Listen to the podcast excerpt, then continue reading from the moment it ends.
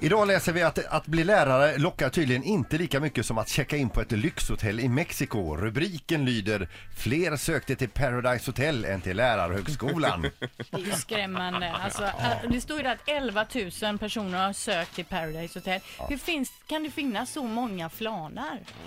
Som vill liksom hålla på sådär i TV. Det är helt otroligt, men eh, samtidigt så är det ju ett väldigt populärt program. Ja, men populärt program. Ja, men vad är den högsta? Jag skulle...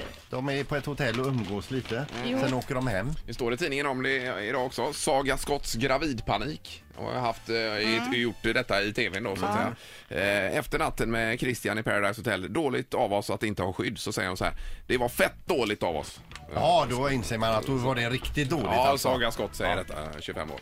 Eh, Jag tycker att inte det borde finnas på TV. Jag tycker att de vuxna som eh, gör... Nu låter jag ju jädrigt mossig. Jag ja, nu inser låter ju du det. eh, dammig här. Det är flera på redaktionen här nere som Ja, säger ja, men det idag var- är det utrustning i Precis, Paradise Hotel Men och så det vidare. borde vara bra för dem att någon annan bestämde just för dem i detta fallet att vi inte ja, har sånt här på tv. För det är inte bra för ungdomen att sitta och se på den här skiten. Du menar att någon vuxen kliver in och säger att eh, Ja, jag fattar nu går ni inte. och lägger er? Nej, inte så, utan för det gör de ju. liksom. Nej redan. men alltså att vi behöver inte ha det programmet på tv. Nu har inte jag tittat den här säsongen. Jag såg fem minuter förra säsongen och höll på att spy av bara sättet de uttrycker sig på och pratar. Det är vulgära.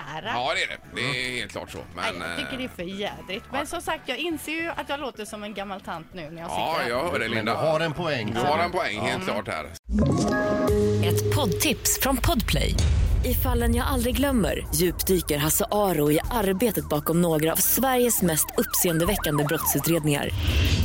Går vi in med hemlig telefonavlyssning och, och då upplever vi att vi får en total förändring av hans beteende. Vad är det som händer nu? Vem är det som läcker?